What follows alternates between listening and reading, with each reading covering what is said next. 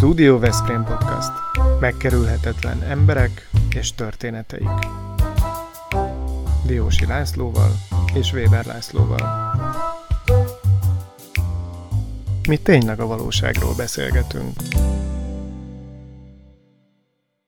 Mai beszélgető partnerünk Kovács Tamás, borász, a Csopaki Szent Donát bor, birtok bor kúriának a képviseletében, illetve rögtön korrigálnom is kell magam, mert nem csak Csopakon van birtokotok, hanem Tihanyban, és Mincent Kálán, Szentbék-Kálán, a Káli birtok miatt Fekete hegyen. Úgyhogy eléggé széttagolt a birtokállomány. Hogy lehet ezt menedzselni? Muszáj menedzselni, tehát a, a hogyanra mindig megvan a válasz, hogyha az ember meg akarja oldani a problémát. De ez egy, ez egy örömteli probléma. Alapvetően azért van ez a hármas tagolás így a birtokon belül, mert apai ágon csopakiak vagyunk, anyai pedig kővágős környéke. Kővágőrsi családnak régen elég sok szülője volt, nem csak Szentbékálán, de, de a Kővágőrsi szőlőhegyen, meg a Réflöpi szőlőhegyen is.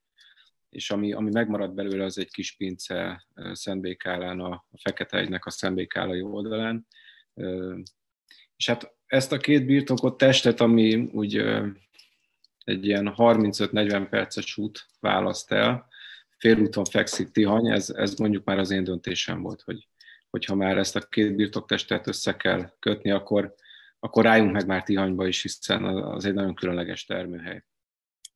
És az működik már, amit édesapád szokott emlegetni, hogy ő neki az az álma, hogy egyszer már nem kell melóznia folyamatosan, hanem valahová ott a Káli medencében a birtok elé ülne, és akkor nézegetni a tájat, és szépen nyugodtan relaxálna. Bár ahogy őt ismerem, ez még egy kicsit odébb van. Ő alakul. Alakul a Igen, igen. Tehát nagyon, nagyon jó kis menedékhely az a Káli medence a, a mindennapok problémái elől, és hát már most is előszeretettel azért elvonulunk oda egy kicsit kikapcsolni. Tamás, hogyha már így szóba hoztuk édesapádat, akkor egy kicsit így Koméniuszt is meg kell, hogy idézzem. Ha jól tudom, akkor az édesapád a tapasztalati tanulás híve, mert hogy állítólag 17 évesen te kaptál tőle egy negyed hektáros területet, hogy ezt önállóan műveld, egészen a, a, a szőlőmunkától a borértékesítésig bezárólag. Ez igaz? És, és hogy látod, hogy ez téged alapvetően mennyiben segített egyébként közgazdász tanulmányaidban? Ez egy jó összetett kérdés. A negyed hektár az igazából csak 1000 négyzetméter volt, most már van negyed hektár is az a kis parcella. A története pedig az, hogy amikor azt megszereztük, az itt egyébként a birtokmaghoz tartozik az a pici terület.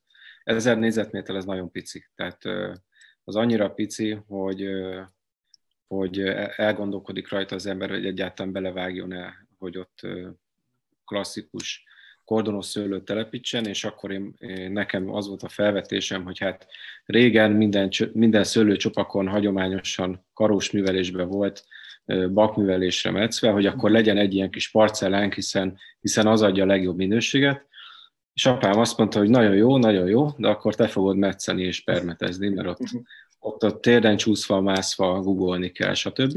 És azt mondtam, hogy jó, rendben, engem érdekel a dolog, de akkor az a termés, ami onnan lejön, akkor azon hat, hat kezdjek el kísérletezni, játszani a pincébe, hadd legyen a saját borom, és akkor így, így indult az egész. Ehhez a... képest elég szépen növekedett a birtok, meg a te kompetenciád is ezen belül. Igen, azt hozzá kell tenni, hogy engem értek olyan hatások, hogy ebbe az irányba lépjek el, meg ez engem nagyon is érdekelt mindig. Egyrészt gyerekkorom óta nekem része a, a szőlőmunka, úgymond a mindennapjaimnak. Tőzsgyökeres csopakiak vagyunk, anyai ágon tőzsgyökeres kájmereceiek. Mind a két oldalról földbirtokos gazdálkodó család voltak a, a felmenőink, így, így, így ez már gyerekkorom óta úgymond formálta formálta a világnézetemet, formálta az életritmusomat, így, így természetesen adta magát, hogy mivel a szőlőben nőttem bele, ezért megmarad, a, vagy kialakul egy szőlő szeretet, és igazán nagy lökést akkor, akkor kaptam, vagy akkor léptem el ebbe az irányba, az még igen, 16-17 éves koromban. Én egy cserekapcsolattal Belgiumban tanultam gimnáziumban, és a kintlétem alatt, hát akkor még nem is voltunk EU tagország, pont akkor, akkor volt a csatlakozás, és hát akkoriban Belgiumból nézve nem sokat tudtak Magyarországról, úgy, mint az egész Közép-Európának a csatlakozó országairól, és nagyon hamar a közös, közös pont az volt, hogy nekünk van szőlőnk és borunk, mert ez, ez egy olyan országban, olyan nyugat-európai országban, ami nagy borfogyasztó, de nincsen, nincsen szőlője, saját szőlője, mhm. ilyen a Benelux államok, ilyen az Egyesült Királyság, vagy akár a skandináv országok, ott, ott ennek egy nagyon-nagyon erős romantika lengébe azt, hogyha valaki szőlőt mivel bort készít, és ez nekem egy, egy olyan, név, egy olyan névjegykártya volt ott Belgiumban, hogy egyből, egyből megtört a jég, úgymond, tehát egyből mindenki kulturálisan befogadott, maradjunk így. Tehát én úgy, úgy jöttem vissza, úgy mentem ki Belgiumba, hogy, hogy külügyi pályát terveztem magamnak, tehát ebbe az irányba akartam orientálódni az egyetemen, stb. Uh-huh. És úgy jöttem vissza onnan, hogy én szőlővel, borral akarok foglalkozni, és el akarom adni külföldön. Tehát uh-huh. nálam volt egy ilyen nagy, nagy ráismerés arra, hogy mekkora érték az, hogyha az ember egy borvidékről jön, vagy borhoz kötődik Nyugat-Európában. És akkor ehhez képest nem, nem, a, nem a kertészeti egyetemen kötsz ki, hanem közgazdásznak tanulsz, mert otthonról megtanultál mindent? Ez azt jelenti? Egyrészt nem, nem akartam ennyire éles váltást, meg, meg ahhoz, hogy az ember kicsibe bort készítsen, nem, nem kell akkora élelmiszeripari felkészültség, hogy valaki ilyen irányban szakosodjon az egyetemen. Ellenben sokkal inkább kell ér, ér, érezni a borpiacot, érteni a borbizniszt, és hogyha valaki külföldön akar eladni, mondjuk bort ott akar kereskedni, meg úgy általában a gasztrómiába, akkor, akkor inkább az üzlet, a borüzlet az, mhm. amihez elsősorban értenie kell, és ha szerencséje van, akkor egy olyan kis csapatot tud maga köré kiépíteni, ami az egyéb szakmai hiányosságot úgymond pótolni tudja, hogyha, hogyha van ilyen. Mhm. Hát azért a külkereskedéstől nem jutottál túl messze, mert még Amerikába is elkerültél, ugye, ahol a csapaki borokat, vagy a boraidat tudtad értékesíteni. Hát emlékszem arra, hogy volt egy ilyen akció, amikor talán a furmintal jelentetek meg az Egyesült igen, Államok piacán. Igen, volt, volt egy, egy ilyen marketing ügynökségként, vagy egy, egy projektként furmint, furmintot propagáltak az Egyesült Államokban, és többször is volt lehetőségem kimenni más borászokkal együtt, akik részt vettek ebben a projektben, és, és kóstoltattuk a borokat, megismerkedtünk a piaccal. Azt tudni kell, hogy ha valaki Magyarországon egy kicsi birtok, és nagyon jó adottságú területei vannak, és ezt szeretnék kihasználni, akkor kisbirtokként egyetlen, egyetlen egy értékesítési lehetőség az, ami, ami, ami hosszú távon egy növekedést tud mutatni, az pedig a gasztronómia. Tehát úgy, úgy értékesíteni bort, hogy nem a hiperek polcain van, hanem tehát nem, nem nagybani, nem, nem a, a mennyiségi üzleti modell felé lép el, hanem érdekes, különleges borokat akar megmutatni, meg különlegesek a termőhelyi, egyedi szőlőfajtái vannak. Szerencsére Csopak és a Balaton felvidék az egyértelműen ilyen, nagyon tagolt, pici szőlőterületek vannak, nagyon költséges művelni, ellenben nagyon jó területek, nagyon jellegzetes borokat ad, és vannak saját szőlőfajtái külföldről nézve mindenképp. Tehát egy, egy kis ékszerdoboz a, Balaton felvidék. Tehát egyértelmű volt, hogy a gasztronómiában szeretnénk értékesíteni bort. Szerencsére az elmúlt 15 évben Budapest nagyon sokat fejlődött ezen a téren, meg a többi vidéki város is egyébként lassan zárkózik fel. Tehát van, van egy, egy, egy, egy jó gasztropiac, ami kialakult itthon, viszont, viszont hogyha valaki a méretet akar venni a világról, meg tényleg azt akarja, hogy, hogy tudjon fejlődni és egyről a kettőre lépni, akkor elengedhetetlen, hogy külföldön is megméresse magát és ezért már kezdetektől úgy készítettük a borokat, olyan stílust próbáltunk belőni, ami, ami itthon is, meg külföldön is érdekes. És ezért lehet az, hogy miután én visszajöttem Belgiumból, Belgiumból 2004-ben, utána már két-három éven belül volt kint borunk Belgiumban, nem is akárhol, a csúcsgasztróban két-három Michelin csillagos éttermekben. Tehát látszott, hogy van egy visszacsatolás külföldről, hogy érdekli a gasztrómiát, mert kellően érdekes, kellően magas minőséget ér el a, csopaki vagy a Balaton felvidéki bor úgy általában. Na most nem akarok kellemetlenkedni, de azt meg kell mindenképp kérdeznem, ha már a gasztróról van szó, hogy titeket jó részt a, a, arról a gasztronómiáról ismernek, amit a Szent Donát, illetve a Márga Bistró jelent, illetve jelentett, mert talán most már múlt időbe tehetjük. Ja, a Márga Bistró egy fogalom volt, azokkal a, az ételekkel, amit ott készítettetek, meg hát azzal a fantasztikus kilátással. Én is nagyon sokszor voltam ott, vendégeket vittem, és hát mindenki elájult a gyönyörűségtől, meg az áraktól is egyéb iránt. De azért azt kell mondani, hogy az egy, az egy, ikonok, egy olyan hely volt, ami ikonikus helynek számít. Mi történt itt, Tamás? Mi vendéglátásra itt a birtokon kezdetektől foglalkozunk. Ha jól emlékszem, akkor már 2004-2005 környékén is. Egyetlen egy célja volt. Tehát amikor mi elhatároztuk, hogy, hogy a rendszerváltás után ugye a kárpótlások idején kaptunk vissza területeket, és eldöntöttük, hogy, hogy visszatérünk, tehát visszahozzuk a családba a régi, régi szőlővel kapcsolatos hagyományokat, akkor egy cél lovott, lebegett a szemünk előtt, hogy, hogy legyen egy, egy kis birtok, ahol, ahova vissza lehet vonulni, ahol a diófalat lehet ülni, jókat beszélgetni, vagy mandulafalat, jó borokat készítünk.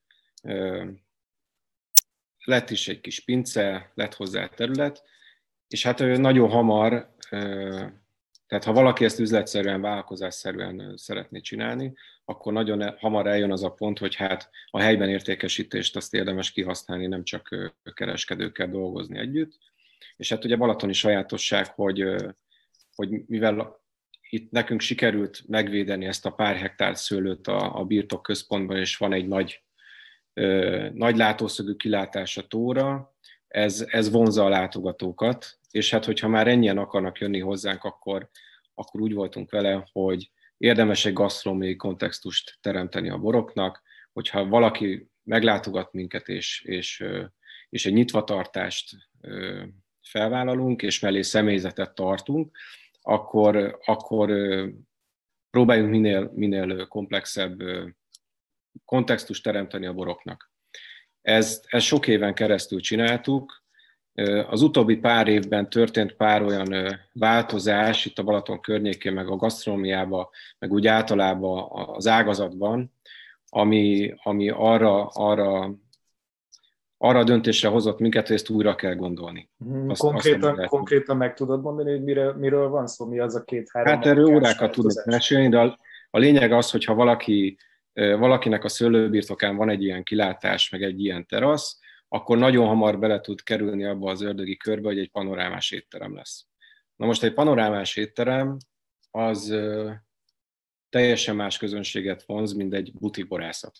A butikborászatban azért jönnek az emberek, hogy bort kóstoljanak, megismerjék a birtokot, nagyon sok, külföldit, nagyon sok külföldit is vonz, főleg, hogyha valaki külpiacra ad el, akkor elvárható, hogy azok, akik a borait ismerik meg, és ellátogatnak a birtokra, akkor kapnak egy visszacsatolást, uh-huh. megnézhetik a pincerendszert, minden információt megkapnak a borokról, amiket készítünk, meg úgy általában a borról szól az az élmény, amit, amit egy birtokon adnak, és ez egy nagyon érdekes kérdés, mert hogyha valaki felvállalja, hogy éves szinten meleg konyhát visz, és azért ez nem titok, hogy a balatoni vendéglátásnak nagyon erős a szezonalitása mai napig, Tehát van nyári négy hónap, amikor, amikor, egy, amikor olyan pörgés van, hogy abból lehető legtöbbet ki kell hozni, ugyanis a másik nyolc hónap az egyszer nem éri meg. Tehát uh-huh. a másik nyolc hónap miatt nem éri meg melegkonyhás éttermet üzemeltetni egy szőlőhegyen. Alapvetően ez egy városi műfaj, nem, nem, nem a vidékre, a szőlőhegyre való műfaj.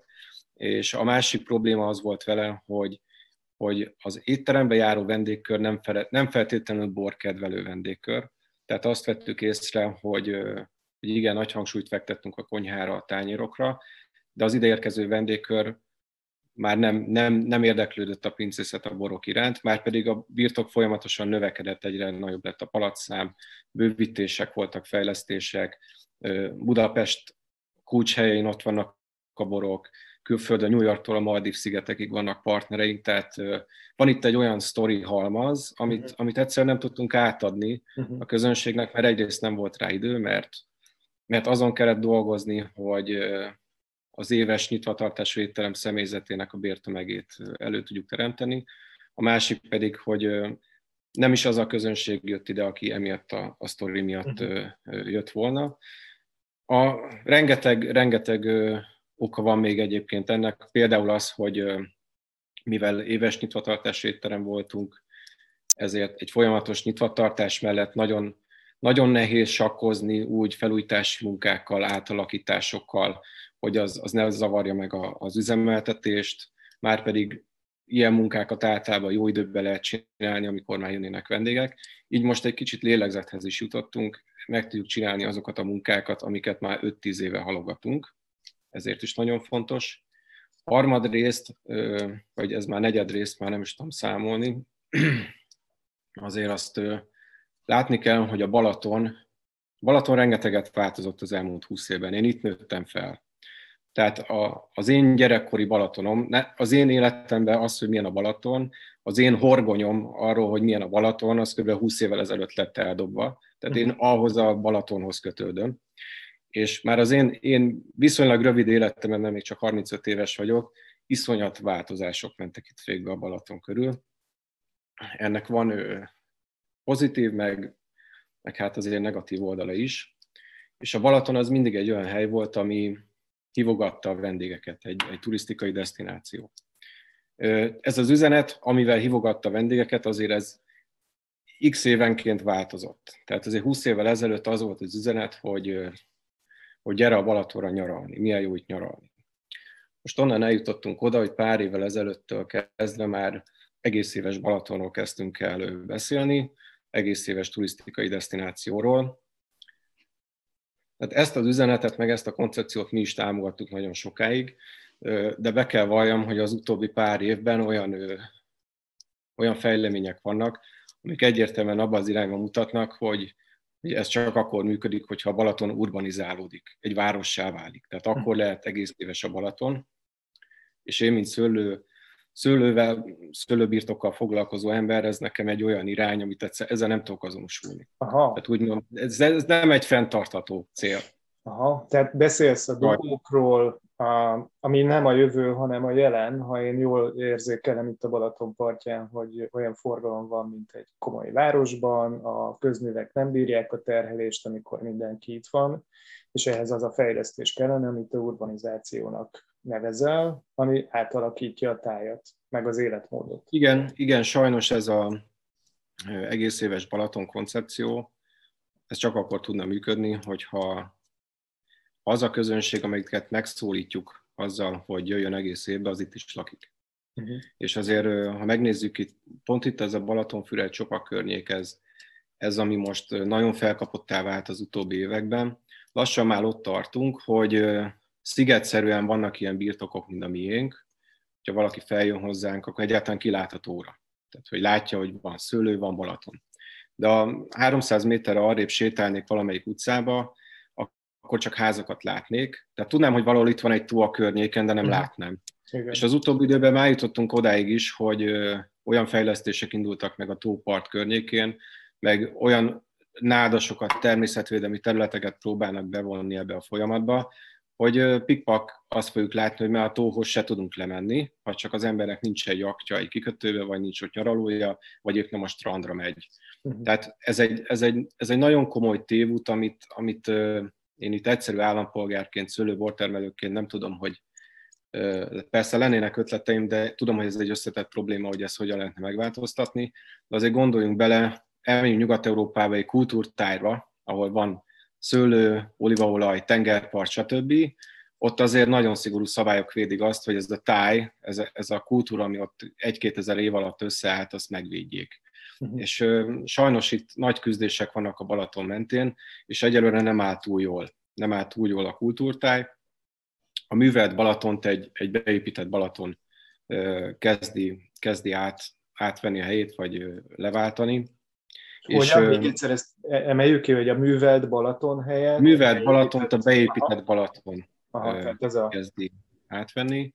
Tehát, és az a probléma ezzel, hogy a legtöbb ember, aki menekül a városból, én nem vagyok városi ember, hosszabb pár évnél tovább nem laktam városban, de, de én, én innen vidékről nézve úgy látom, hogy a városi életmód alapvetően egy válságban van. Uh-huh. Tehát valami nagyon nem, nem jól működik a városokban, az emberek arra vágynak, hogy ne ott éljenek, viszont vágynak a város, mm, a város életmód pozitív hozadékaira, tehát ha ez a folyamat folytatódik itt a környékünkön, ami az elmúlt öt évben, tehát én nem 15-20 éves távlatokban beszélek, itt az elmúlt öt évben, 20 év alatt itt egy exponenciális növekedés van, és mi most itt az utolsó öt évben egy még nagyobb ugrást látunk, itt olyan szintű építkezési láz indult be, meg olyan szintű forgalom növekedés van, hogy előbb-utóbb jelentős károsodás éri az értékét a környéknek. Tehát mhm. egyszerűen visszafordíthatatlanná válik, és egy tó melletti várossá válik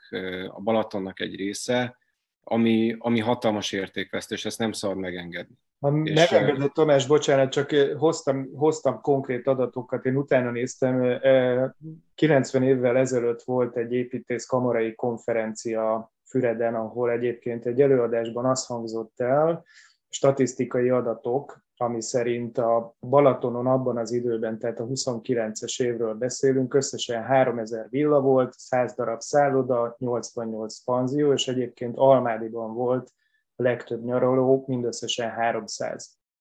Tehát innen indulunk ugye mondjuk a, a történelmi múltból, amikor a hazai turizmus fellendülőben volt ugye a határok megváltozásával. És akkor ehhez képest itt tartunk ma, hogy te arról beszélsz, hogy egy várossá válhat a Balaton tulajdonképpen.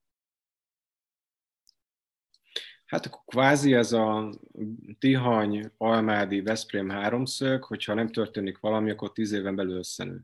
Aha. Ez egy agglomeráció lesz. Tehát az, hogy még, még van egy pár bozót Szent Király Szabadja meg Veszprém között, meg Szent Király Szabadja és Almádi között, az, az, az már optikailag alig látható. Itt a, a Almáditól Tianyig tartó településekről nem is beszélve, utolsó utáni pillanatban vagyunk, és én úgy gondolom, hogy a Balaton többi része sincsen biztonságban, mert már most tömegek vannak, akik elégedetlenek ezzel, mert ők tíz évvel ezelőtt, tíz évvel ezelőtt fektettek ide bele, akkor szálltak be úgymond ebbe a környékbe, és nekik ez már túl sok. Mhm. Ez a fajta átmenő forgalom, ez a fajta bezártság, hogy, hogy az utcán, közteleteken kívül nem látni mást, e, ez már egy, egy más, egy, és egy visszafordíthatatlan, és az a szomorú ebben, hogy a Balaton nem sok olyan, sajnos nem sok olyan hely van az országban, ami nemzetközileg is érdekes. Bárhonnan jön a világból az ember, akkor megjegyzi. A Balaton és a Balaton felvidék az ilyen.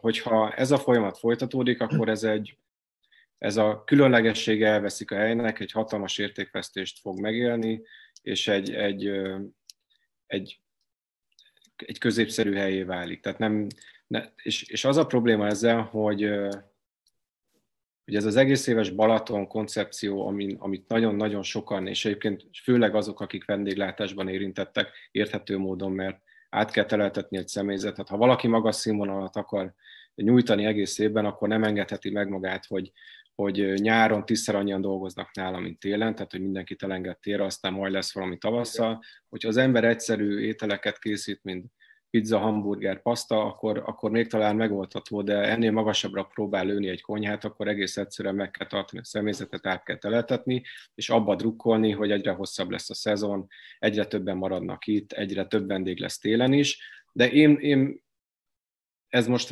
magánvélemény, de, de én úgy látom, hogy, hogy ez csak akkor tud megvalósulni, hogyha urbanizálódik a, a környék, és az a nagy probléma, hogy a helyi szabályozások azok úgy vannak kitalálva sajnos, hogy nem kellően védik a, külterület, a külterületet, tehát a belterület határán kívüli részeket, mert semmi probléma nem lenne azzal, hogyha a belterület, belterületi ingatlanok lennének újra gondolva, újra hasznosítva. Hát azért lemegyünk itt a Balatonparti településekre, mindegyiknek van egy üdülő része. Igen. És ott rengeteg olyan ingatlan van, amit nem használnak, akár évtizedek óta leromlott állapotban van, nem, meg, nem, nem modern épület, tehát rengeteg lehetőség lenne, hogy a meglévő belterületeket próbáljuk inkább fókuszba helyezni, Ehelyett rengeteg olyan kiskapu van, ami abba az irányba tereli az embereket, hogy vegyen inkább a szőlőhegyen egy darab földet, és majd csak elintézi a hegybírónál, meg a kormányhivatalnál, hogy, hogy hadd meg, hadd, had ne legyen ott szőlő, hadd legyen valamit, hadd építhessen,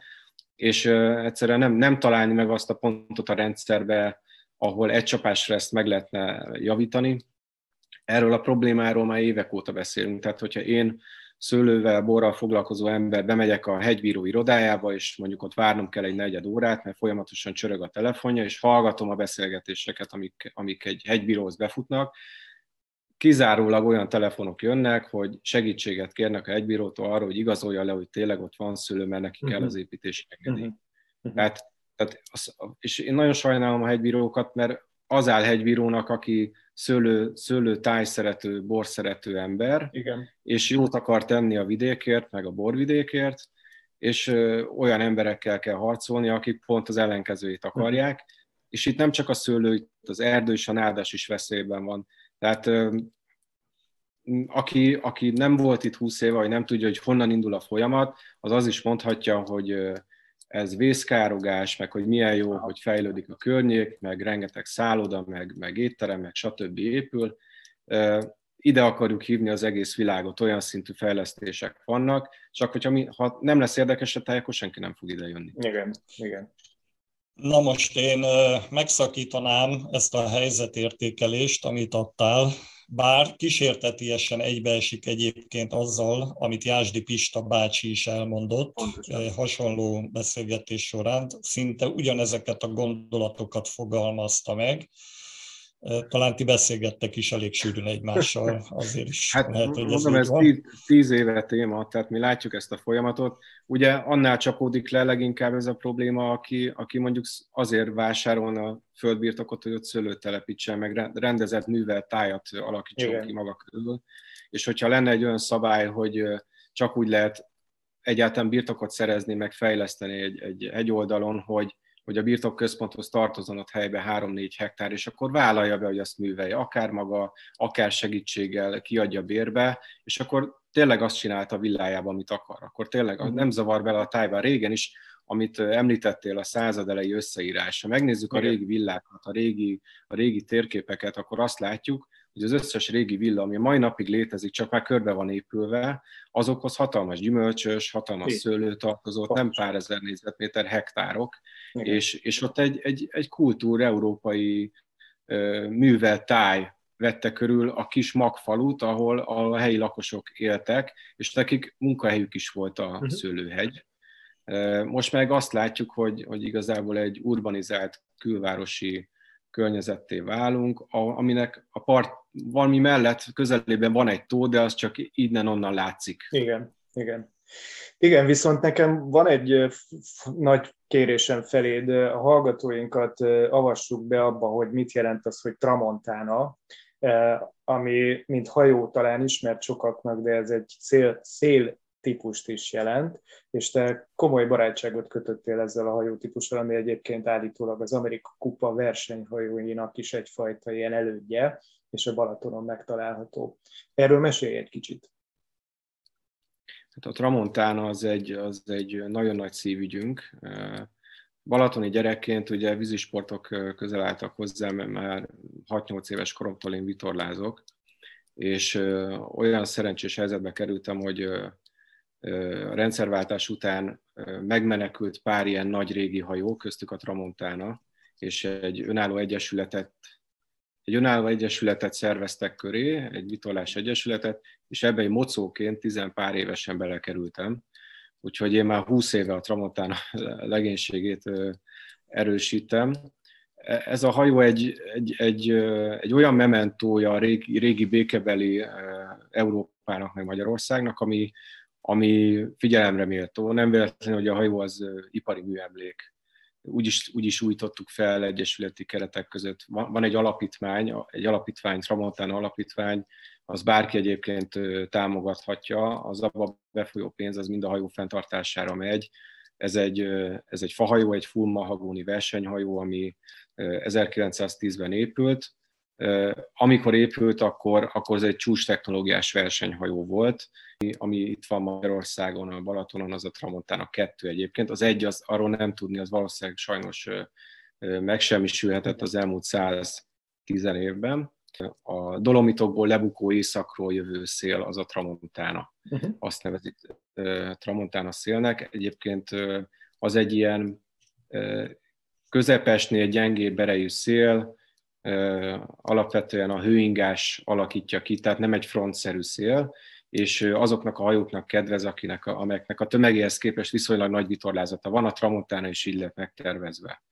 És ennek köszönhető egyébként, hogy miután fölkerült a Balatonra, nagyon sok kék szalagot megnyert, Pontosan. hivatalosan hetet, nem hivatalosan nyolcat, és a Balaton, a nyári Balaton az ugye az egerésző szelekről szól, a kis szelekről, és a Tramontánának akkora fel, vitorla felette van a tömegéhez képest, hogy esélye nem volt a többi hajónak, hogyha, hogyha nem volt kellő szél, akkor ugye még nem volt hátszélvitorla, spinakkel, genakkel, ezek a aszimmetrikus hátszélvitorlák még nem, nem, nem léteztek, hanem egyszerűen akinek több vászna volt, az ment jobban.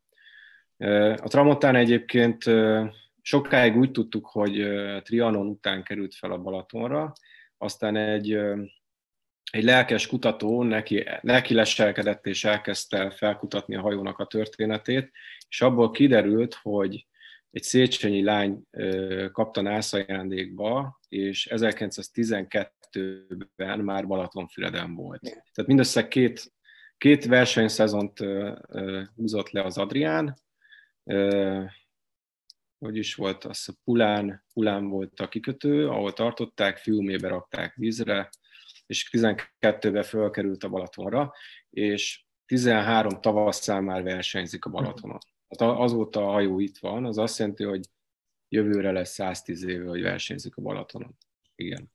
És ezt a hajót 2009-ben az alapítvány segítségével, támogatók segítségével, illetve az Egyesület tagjai ö, ö, adományaival sikerült teljesen felújítani korhű állapotban. A korhű állapot az az az állapot, hogy 1920-ban átépítették, régen gaffos vitorlája volt, talán ilyen régi fényképek, az, neki látott, hogy nagy, nagy trapéz, grósz és viszonylag alacsony árbóc és sok-sok vitorla. Hát a, Balat, a Balaton, amikor fölkerült a trami, akkor így nézett ki, uh-huh. és 1920-as évek elején át lett építve a Mar- Marconi árbóc, Marconi típusú, tehát hogy két, két háromszög alakú vitorla, grósz meg a fok és erre az állapotára lett visszaállítva. Az egyetlen hajó jelenleg a Balatonon a nagyöreg hajók közül, ami egy, tényleg egy igazi oldtimer, tehát az eredeti állapotának megfelelően van visszaállítva. Sőt, fatest, sőt, előszeretettel mondjuk, hogy a hajó tömegének kétharmada az, az az eredeti egy az egyben, mert az ólom az ugyanaz, és tényleg bronzcsörlők, nincsenek lemmek, ezek, ezek a szakszavak csak azoknak mondanak valamit, akik vitorláznak. Igen, mert ez tényleg... a, mocó, a mocót is meg kell magyaráznunk, hogy mit jelent ez a mocó, ugye, amikor te 14 év Igen. Igen, tehát a mocó ifi és a ifiből lesz a felnőtt. Uh-huh. Én mocóként kerültem a Tramontánára, kötődés, ha, tehát a borhoz is kötődik a hajó, ugyanis én onnantól kezdve, hogy, hogy én szőlészetborászatban itthon apuval elkezdtem saját bort is készíteni, nagyon hamar jött az, hogy felújítjuk a hajót, stb. Én akkor, hát akkor már ifi voltam, de hát még mindig csak egy kamasz. Én úgy próbáltam ebben részt venni, hogy mindig volt egy hordó bor, amiből befolyó pénz az ment az alapítványnak. És, uh-huh. és a mai napig van Tramontana bor, van fehér is, van vörös is, kistételben készülnek, és igazából olyan helyekre jutatjuk csak el, ahol értik, hogy, hogy miért is a, a, az a neve annak a bornak, meg tudják, hogy mi az, hogy Tramontana. A Bruckner család műhelyben lett felújítva a Tramontana, az első magyar munkájuk volt, tehát előtte csak német-svájci vonalon építettek új, új hajókat. Ők egy több generációs hajóépítő manufaktúra, sőt van egy fényképük, hogy a háború után úgy indították újra a vállalkozást, hogy hajó és koporsó készítő. Tehát, hogy két irány is legyen, de most már csak hajókkal, és, és olyan szinten építenek hajót, amit nagyon kevesen Európában, tehát nagyon, nagyon komoly szakemberek, és náluk a Balatonfüredi Szőlőhegyen, tehát fönn a hegyen épült újjá a Tramontana, ott van a műhely. Két, két évig tartott a, az újjáépítési munka, uh-huh. és hát már nem is emlékszem, hogy melyik szezon volt az első felújítottként, de, de most már azért egy tizenpár éve felújítva szeli a És itt most van egy nagyon jó átkötési lehetőségünk a te borászatodra, vagy a ti borászatotokra, mert ugye ez a hajó felújító műhely, ez egy kézműves műhely tulajdonképpen klasszikusan, és a ti borászatotokról is azt tudja a nagy közönség, hogy alapvetően egyfajta ilyen természet közeli és ilyen természetes megoldásokkal dolgozó borászat vagytok. Ugye ez egy jó... Kedves nézőink és hallgatóink, mielőtt Tamás erre válaszolna, én itt közbeavatkozom, mint moderátor és kérdező, mert hogy csak egy következő beszélgetés során fogunk tudni most már a borokról is beszélni Kovács Tamás borásszal, mert eddig sok mindenről volt szó, úgyhogy aki kíváncsi a borokkal kapcsolatos ismeretekre, információkra, beszélgetésünkre, az a következő epizódunkat hallgassa meg. Minden esetre ez az epizód köszönhető Tamás mellett a szponzorainknak, támogatóinknak, Patronus Klubunk tagjainak, a Royal Kertnek, a Targonca Kft-nek, a Nelson Broker ZRT-nek, a Vitakin Kft-nek, az ASICS Intersolarnak, a Nyugalom Kft-nek, az Unilever Algidának, a Szófia Magánklinikának, a Ringauto Kft-nek, a Bramak BMI Magyarországnak, a Kuti és Fia Kft-nek, a Tornai Pincészet Kft-nek és a Hester's Life-nak. Köszönjük a támogatásukat, és találkozunk ugyanebben a körben a következő epizódban. Ez a Studio Veszprém műsora volt. Hallgasson ránk minden pénteken!